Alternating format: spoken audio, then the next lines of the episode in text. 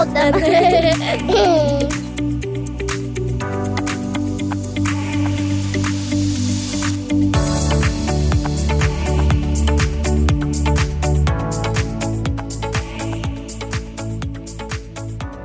Malin Berghagen är här idag. Välkommen hit Malin. Tack så mycket. Du hänger mycket här i Järvsö nu.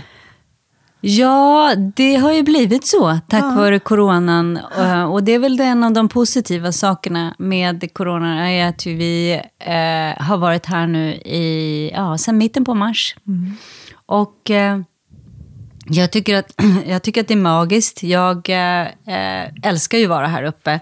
Det har ju gått i omgångar, vilket är alltid där, tror jag, till sin hembygd. För att jag på något sätt känner ju att det här är min hembygd eftersom jag har varit här så mycket. Järvsöborna kanske inte skulle hålla med mig, men, men i och med att jag har, har eh, varit här så mycket under min barndom, för mycket när mamma var ute och turnerade så bodde vi ju med mormor. Liksom.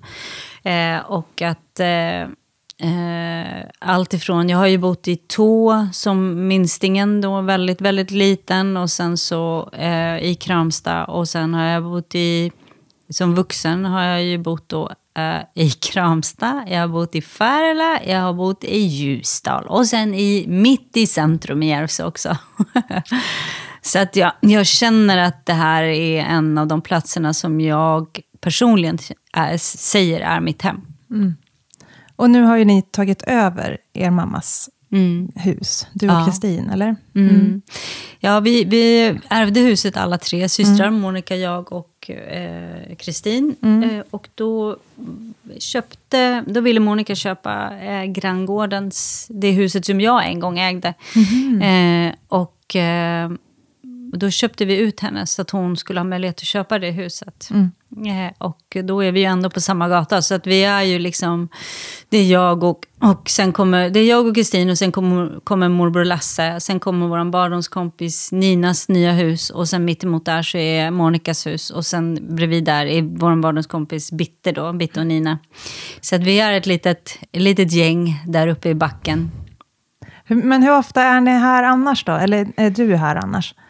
Ja, Det har ju varit, det har ju varit lite upp och ner, så det går inte riktigt att säga så. Vet du, för att, för att ehm, jag flyttade ju, jag förverkligade en dröm med att bo utomlands. Och det, den, det steget tog jag ju faktiskt från, eh, härifrån Järvsö och sen ut i, i världen. Så du bodde här innan du, du flyttade Ja, till, till precis. Mm. Mm. Och eh, det är en dröm som jag alltid haft. Mm. Och jag tror att den drömmen kommer av att jag... Eh, alltså jag har rest utomlands varje år i hela mitt liv. Alltså ända sedan jag var väldigt liten. På grund av att mamma... Eh, där kände ju ingen igen henne. Så när hon hade semester då åkte hon till platser där det inte fanns några svenskar. Plus att också under Klubb 33-tiden och ringresor. Och då valde man ju att ta med många artister. Eh, och då, så då kunde vi spendera liksom, eh, tre veckor på en plats för att mamma också skulle sjunga med då Klubb 33 eller, och pappa lika så. Så jag har alltid känt mig väldigt hemma utomlands. Förmodligen på grund av att jag då har fått mest av mina föräldrar. För att då var vi tillsammans hela tiden. Just det, och, Och inga andra liksom- slet och drog i dem lika mycket kanske? Ja, här hemma var det ju alltid liksom rund, någonting runt om. Så då förverkligade jag den drömmen och var där i sex år. Och sen så skulle jag flytta hem på grund av mamma. För att jag ville vara med mina föräldrar när de blev lite äldre. Och Isak skulle börja gymnasiet. Och så gick ju mamma bort eh, väldigt snabbt, vilket vi inte var beredda på. Eh, och då har, blev det liksom två års tid nu då, som det har varit. Hon dog 2018. Som det var blandade känslor att åka upp hit. Dels å ena sidan så har det varit mitt hem periodvis. Eh, men huset var ju väldigt mycket mamma. Så att vi fick liksom någonstans turas om och känna in och lyssna på varandra. För att ibland ville något barn av våra barn inte åka upp för man saknar mormor för mycket. Ibland så ville något barn absolut åka upp. Eh, och när skulle man vara där? Skulle vi vara där tillsammans eller vara en för sig? Och första julen, hur kändes det? Så det har, det har varit liksom väldigt till och från med att åka upp hit.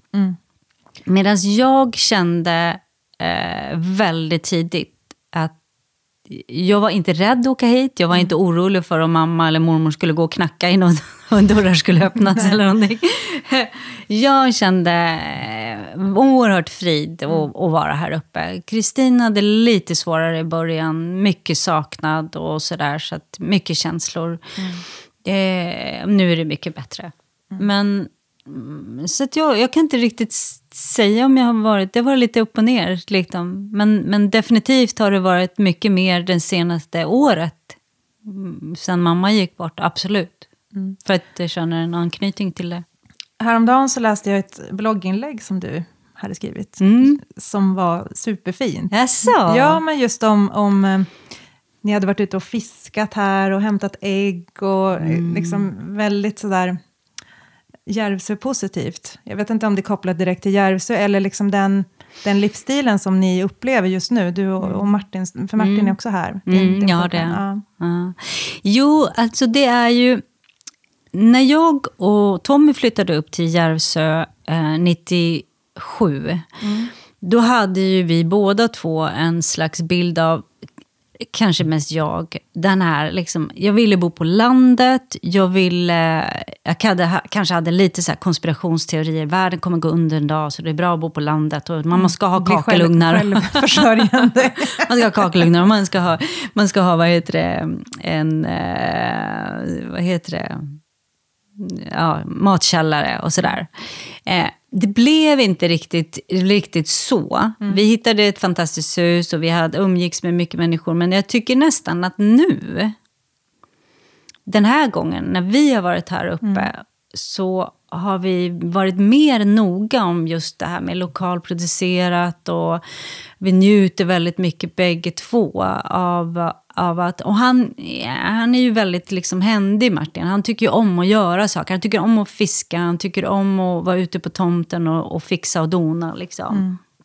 Mm. Eh, det passar honom väldigt mycket. Liksom. Nu vet jag att medan vi poddar så står han och hugger ved. Liksom. Mm. Vi, har fått, vi har fått ved som han måste börja... Någon bonde kom och sa, ja men ta den här så, så men du får hugga upp den själv.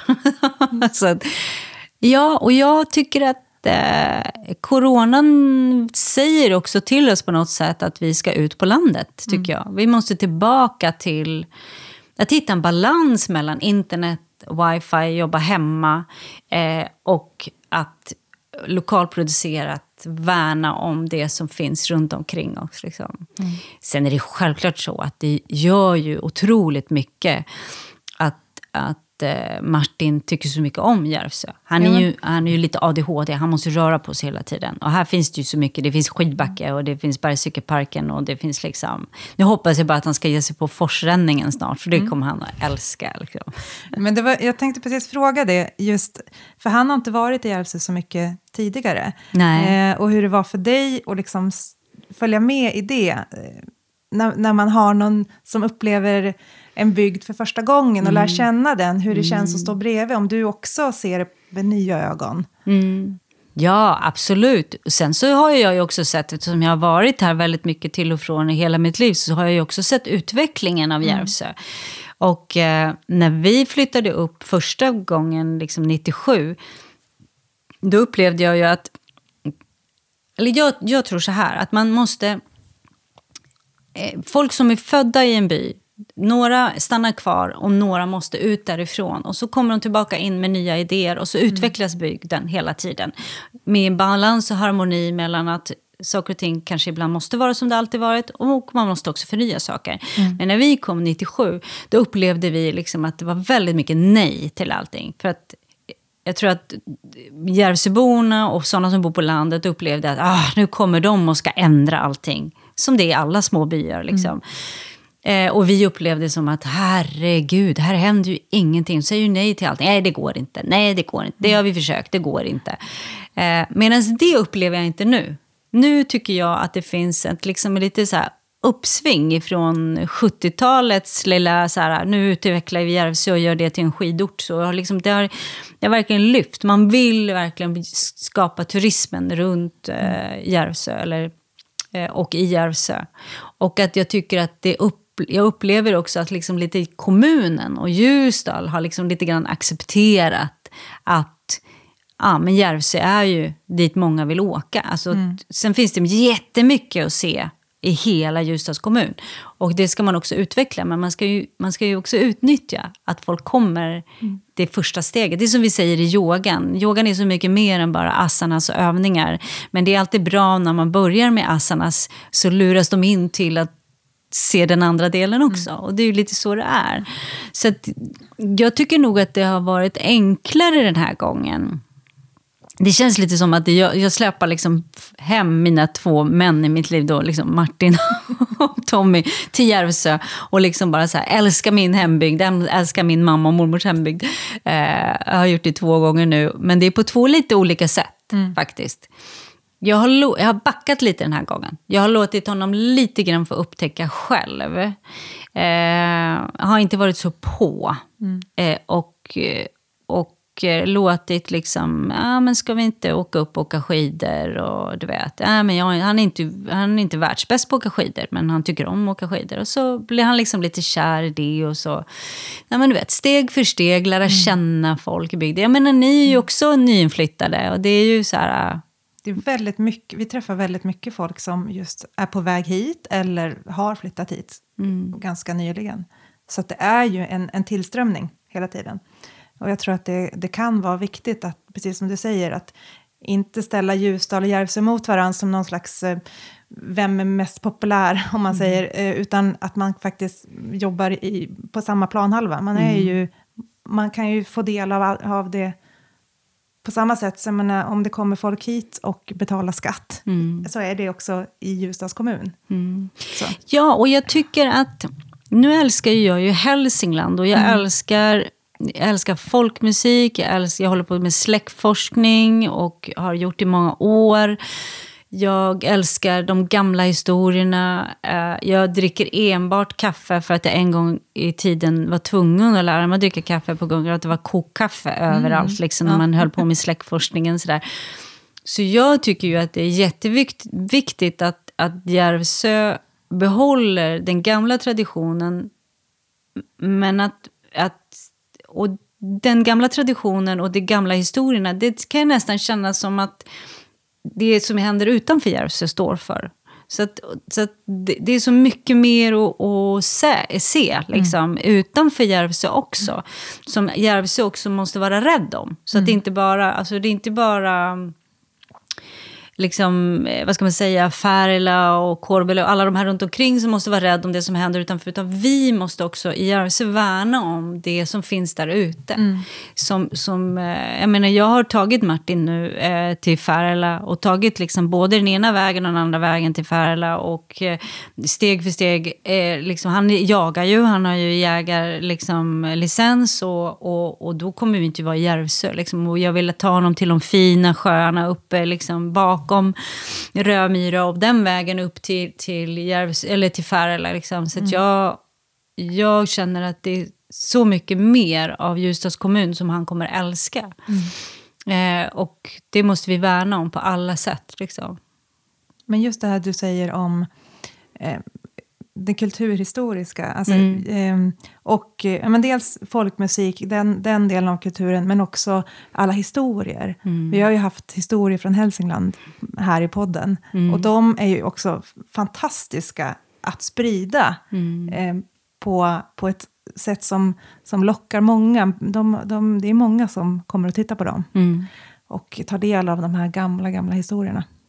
Ja, och för mig, det, jag, det släktforskningen lärde mig och också, eh, jag gick ju också byggnadsvård i, i två somrar liksom, här uppe i Hälsingland. Så att jag, jag, och det älskade jag verkligen. Så det är dig man ska prata med om man ska renovera ett hus. Ja, nu när ni renoverar hus. Eh, och då, eh,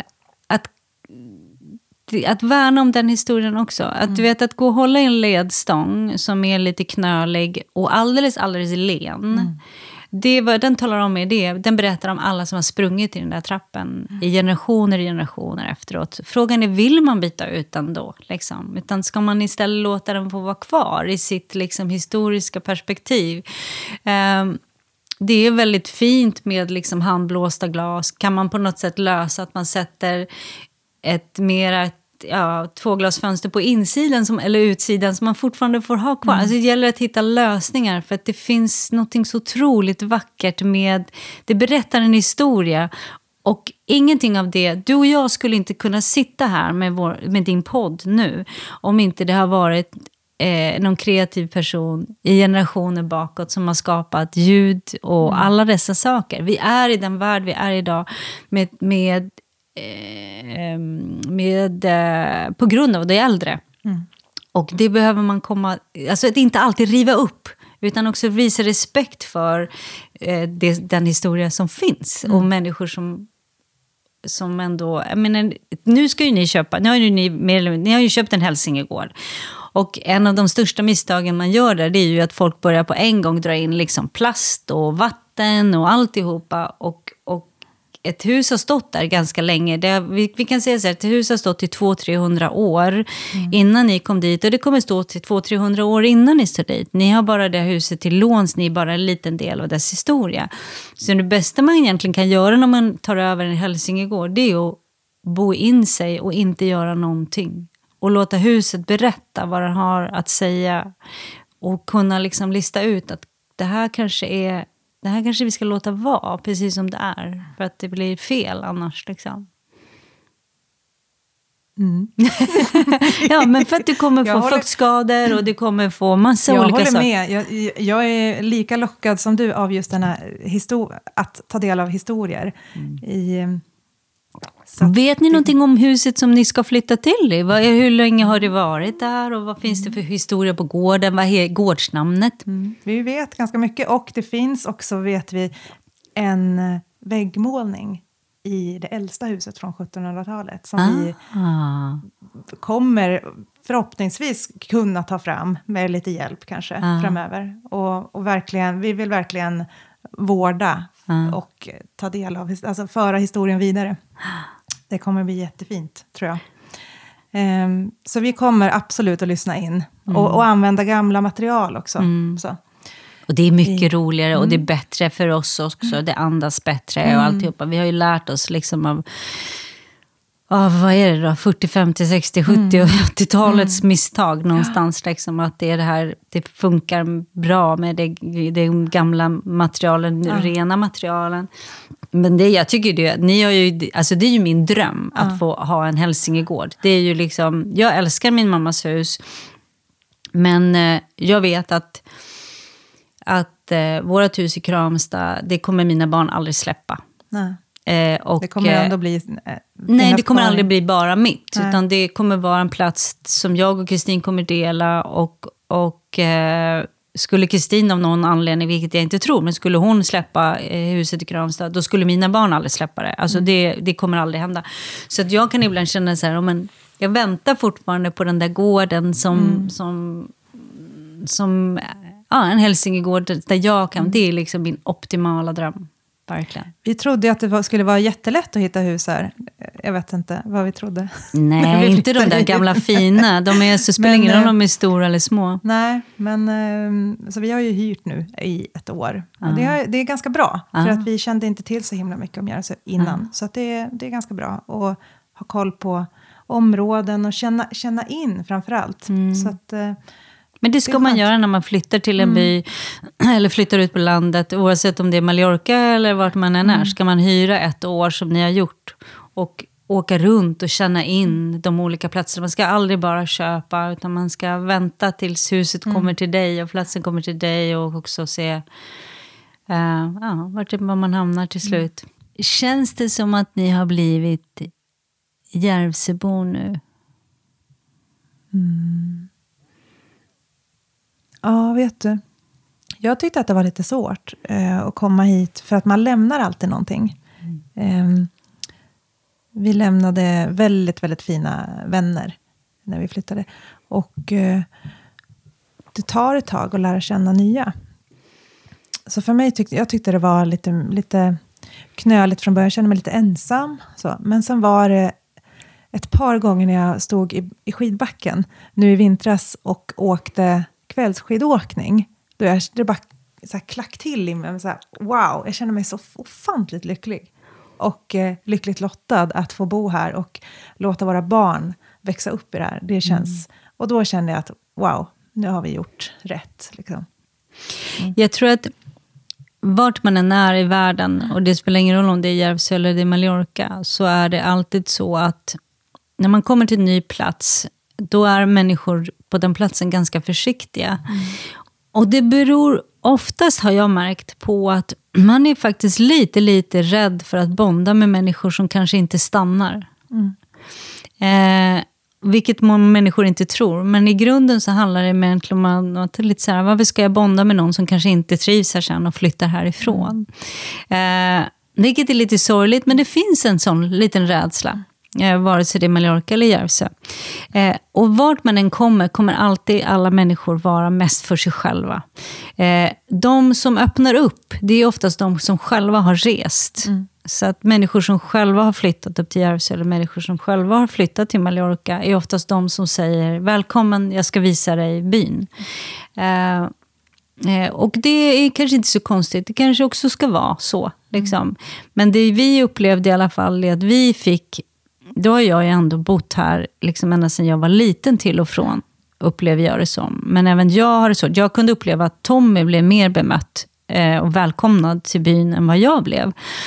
Men, men min stora räddning var faktiskt skolan och barnen. Det var så jag lärde känna Maria och det var så, eh, när jag bytte lägenhet så lärde jag känna Johanna, för hon var hyresvärd och så här. Och det är några av mina närmaste vänner idag. Liksom. Mm. Och jag kan säga under här, alla de här åren så har jag faktiskt samma vänner eh, som jag hade då när barnen var små. Det har inte kommit så mycket nya. Mona Rask, som också jag lärde känna genom att Linn och, och Stina gick i samma klass. Liksom. Så skolan är ju, och det är också så här röda tråden för alla som flyttar någon annanstans. Det är nog mycket svårare att flytta till någon annanstans om man inte har barn som också mm. går i skolan. För det är där man lär känna nya vänner. Skaffa sin egen lilla plats som ni gör nu. Det är det bästa ni kan göra. Därför att var ni än är så handlar det ändå om er. Er och barnen. Mm. Sen kommer det komma människor utifrån eller grannen. Liksom. Mm.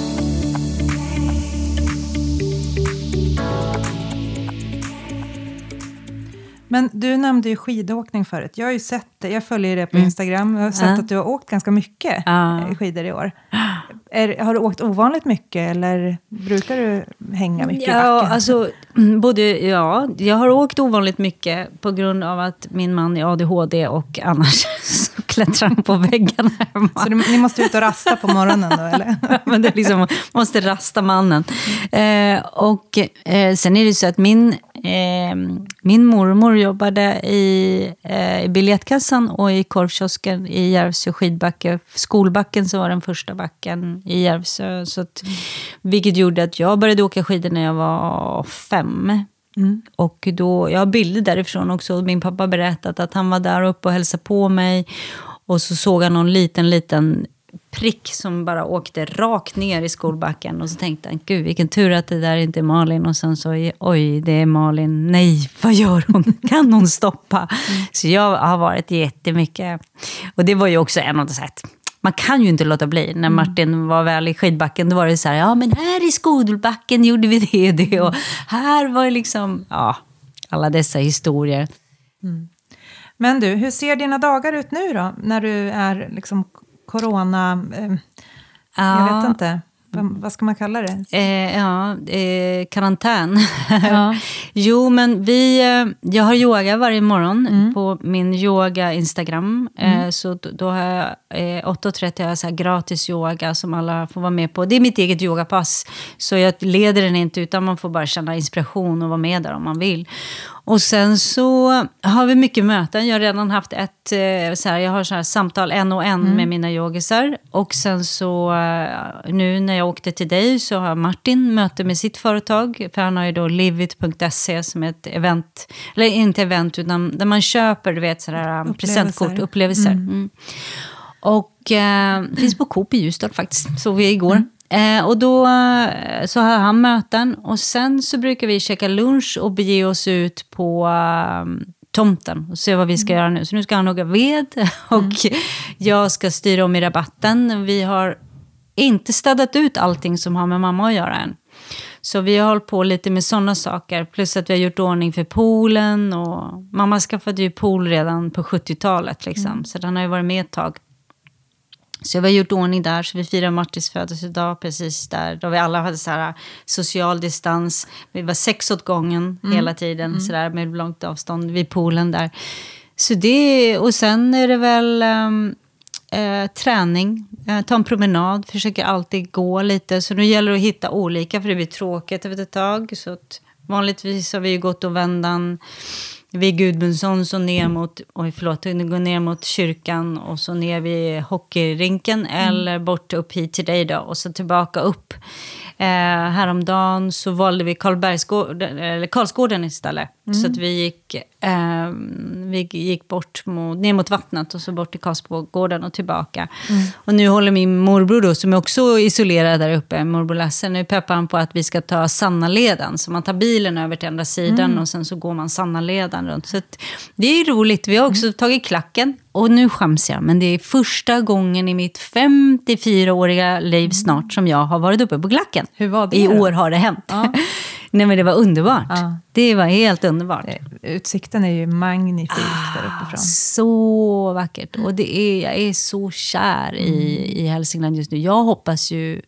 Jag vill inte att coronan ska ta fler liv. Mm. Men den får gärna fortsätta ett tag till så jag får vara mm. kvar här uppe. Känner Martin lika, likadant, att han, att han trivs Ja, där? han trivs jättebra mm. här uppe. Och fördelen är nu att han kan ju åka ner då varannan vecka för att vara med sina barn. Mm. De är visserligen tonåringar nu och en är, är vuxen. Men om han vill kan han åka ner varannan vecka och han jobbar från sitt eh, mm. från datorn mm. hemma. Så det går jättebra. Liksom. Han äger alltså. företaget så då kan han styra och ställa lite som han vill. Men han trivs jättebra. Och ju mer han lär känna folk här uppe också så blir det liksom... Nu har killarna på Järvsöbaden tagit honom och fiska och sådär. Mm. så han trivs. Hans mobil säger att han ska åka hem när det ja. står Järvsö. Jaha. så den har redan bestämt sig. ja.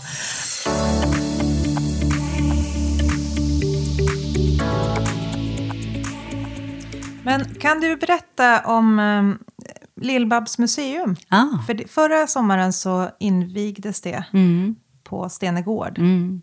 I en av gårdshuset mm, där. Precis. Um, hur var det?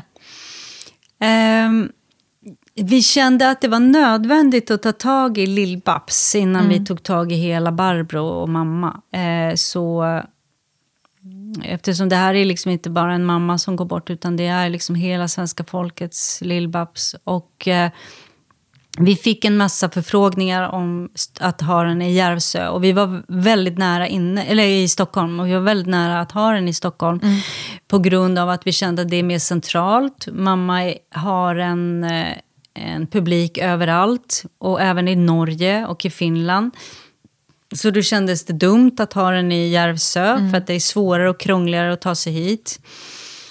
Eh, men sen var det faktiskt så att vi fick reda på att, alltså det var ju så att han, där utställningen var, museet mm. var, i gårdsbageriet, eh, eh då, då han sa upp eh, oss, så att säga. Så mm. att han, han ville inte längre att vi skulle vara där, så att säga. Och då, då behövde vi hitta ett nytt ställe och det var där vi började då titta på olika platser. Och då var det så att eh, då blev det ledigt på Stenegård. Och då pratade vi med Charlotta Nessman och eh, då var det precis som att allting bara föll på plats. Mm. Dels eh, i min släktforskningshistoria så älskar jag ju Stenegård. Det finns så otroligt mycket att berätta om den mm. platsen. Eh, och jag kan tycka att Stenegård får för lite fokus. Eh, det är bara över älven och det är inte så mycket längre att åka. Och eh, det borde vara liksom mer möjligheter. Jag tycker att det borde gå en sån här transferbuss mm. under turistsäsongen över alltså, dit. Liksom. Jag håller med. Jag, jag känner att jag inte vill åka hem. Mm. Jag, vill, jag vill stanna på den här ah. platsen, för det är något särskilt. Mm, ja, men det är så magiskt där mm. uppe. Och nu är det så fint när det har börjat med allt det här med massage och terapier och alltihopa, vilket jag tycker är det som liksom Brun ville en gång i tiden, liksom, ja. när han höll på uh, med sitt apotek och allt det mm. där. Och örtagården är så fint. Så jag tyckte ja, men det kändes bra att, att vi hamnade där. Och framför allt att om vi ska kunna använda eh, Lill-Babs på mm. bästa möjliga sätt, vart ska vi använda det då till mm. för att dra folk? Och då kände vi att Stenegård var perfekt, för det kan behöva det. Mm. Att få lite mera fokus, lite mera besökare. Mm. Plus att även om det var tråkigt att det här liksom, samarbetet tog slut, mm. eh, som låg då efter 83an, så kändes det också bra att det inte mammas kändisskap inte gick till ett företag, till en person, utan mm. att det gick till bygden. Mm.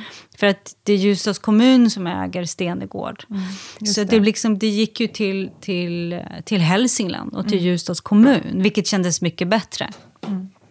Men vad har ni fått för reaktioner? på... Jättebra. Ja. ja det gick jättebra förra sommaren. Mm. Och eh, bra med flöde liksom, med människor. Jag tror vi hade kanske hade 100, snitt 100 personer om dagen som kom dit, liksom, vilket har varit bra, mm. eh, bra början.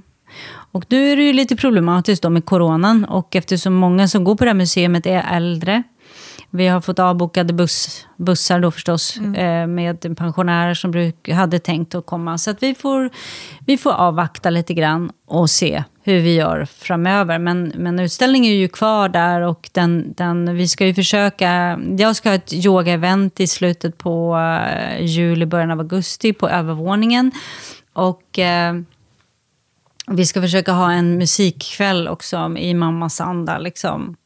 Eh, och förhoppningsvis kan man ju ha den då utan att folk sitter för nära varandra. Och, sådär. och salen där uppe är ganska stor, så vi får se. Vi, vi håller på.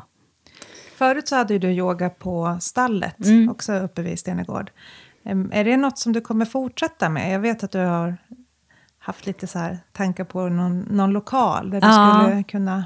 Ja. drömmen är ju då att antingen så hittar jag en egen hälsingegård där det finns en lada där jag kan ha. Eller så hittar jag en lada hos någon helt mm. enkelt. Eller en tomt där jag kan, där jag kan eh, Alltså i bästa så vill jag ju egentligen ha en, en lada som jag antingen flyttar dit. Jag vill inte bygga ny. Nej. Jag vill ha det här som stallet gav. Mm. Att det, fanns liksom, det, det, finns en historia där. Liksom. Och sen kanske man renoverar den och gör den så att man kan vara där året runt. Men, mm.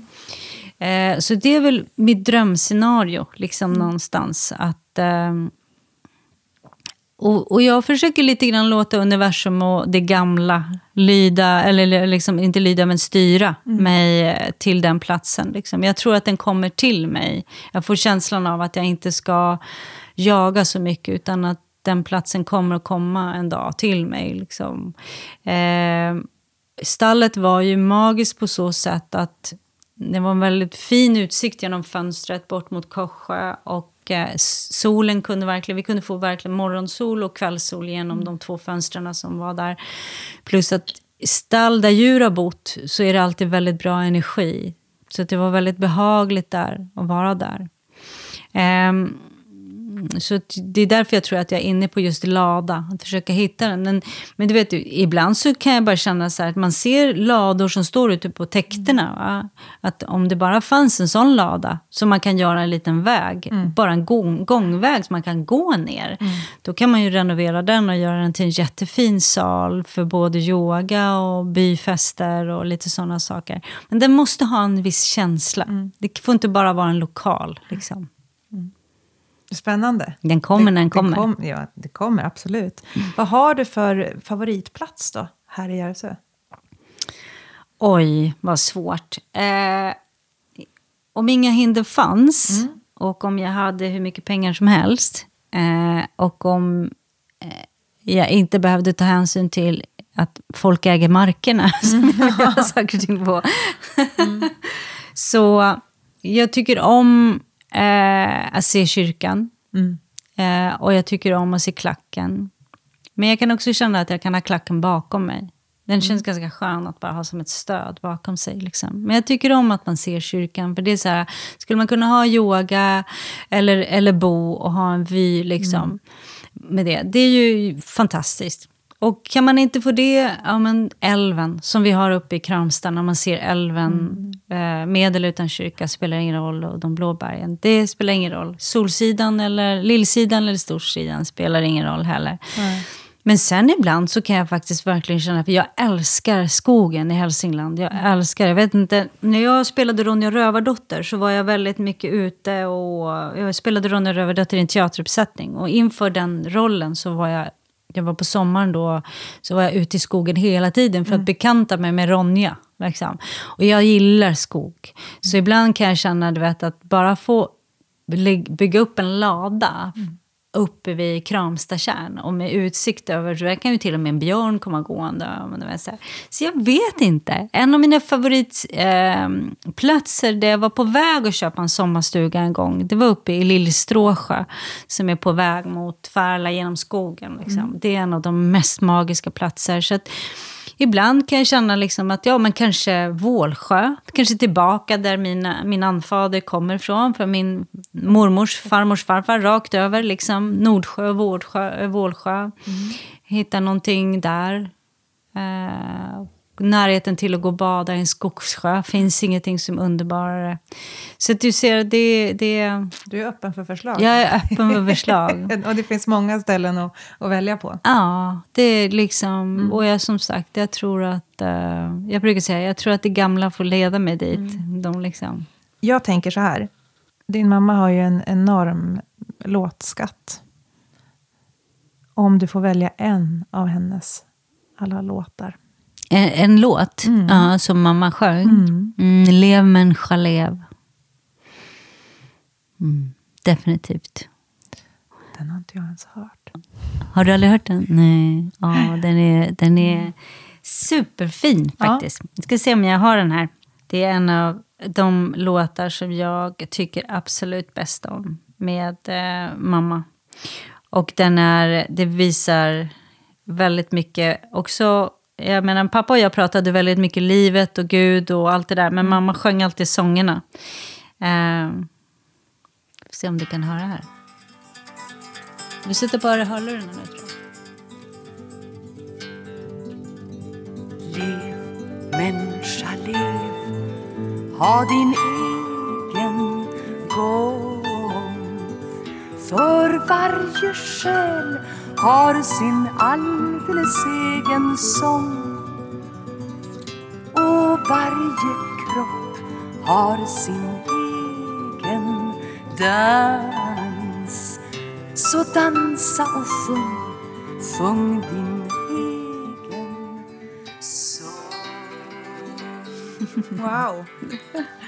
Mm. Fin! Mm. Så det är absolut en av mina favoriter. Fint. Men tack för att tack. du fick komma då. Ja. Och fika var gott då också då.